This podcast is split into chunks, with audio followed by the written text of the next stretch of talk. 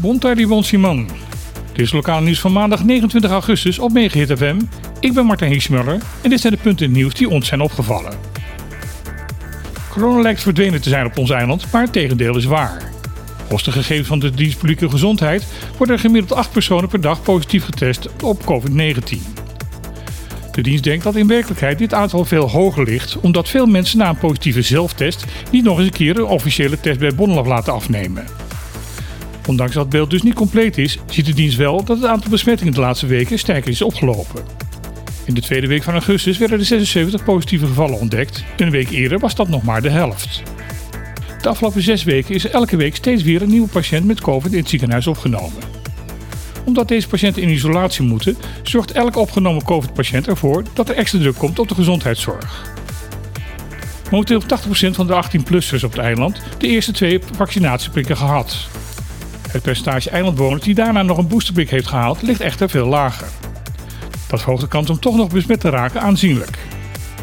De overheid zegt te hopen dat deze mensen bij de komende nieuwe vaccinatiecampagne in september zich alsnog melden voor een herhaalprik.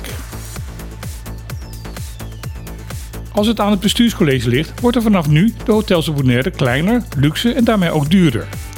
Dat betekent dat toeristen die bij deze hotels een vakantieverblijf boeken ook een grotere service gaan verwachten. Waar komt het personeel vandaan die deze service moet gaan leveren? Kan dat ingevuld worden door lokaal personeel of gaan hoteleigenaren dat personeel uit Nederland halen?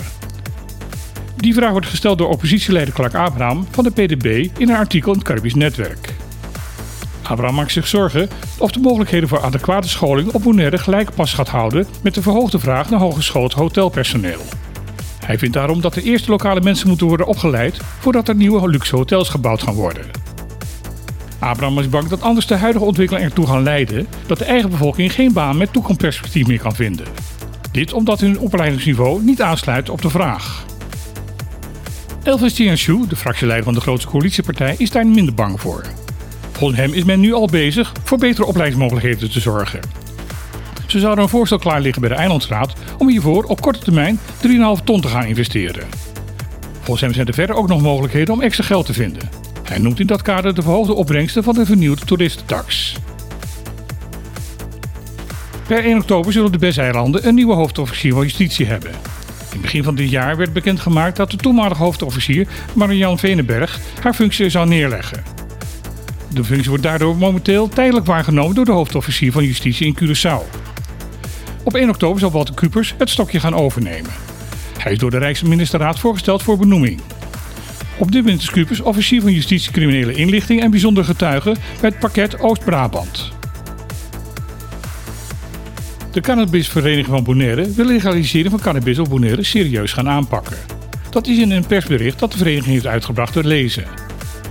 Om dit te bereiken is een bestuur van de vereniging geïnstalleerd, is er een directeur aangesteld en een kantoor ingericht.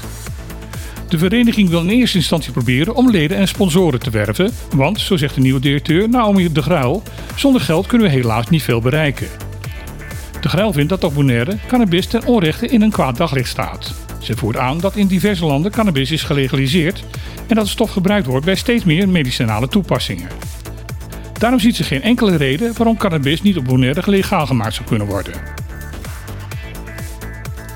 Vorige week heeft de kustwacht een boot onderschept die onderweg was naar Aruba. Aan boord bleken 20 mannen en 2 vrouwen te zijn. Geen van allen hadden geldige papieren voor hun verblijf op Aruba.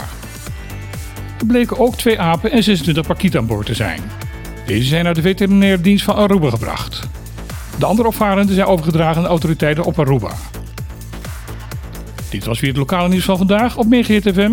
Wens u nog een hele mooie dag en graag tot morgen.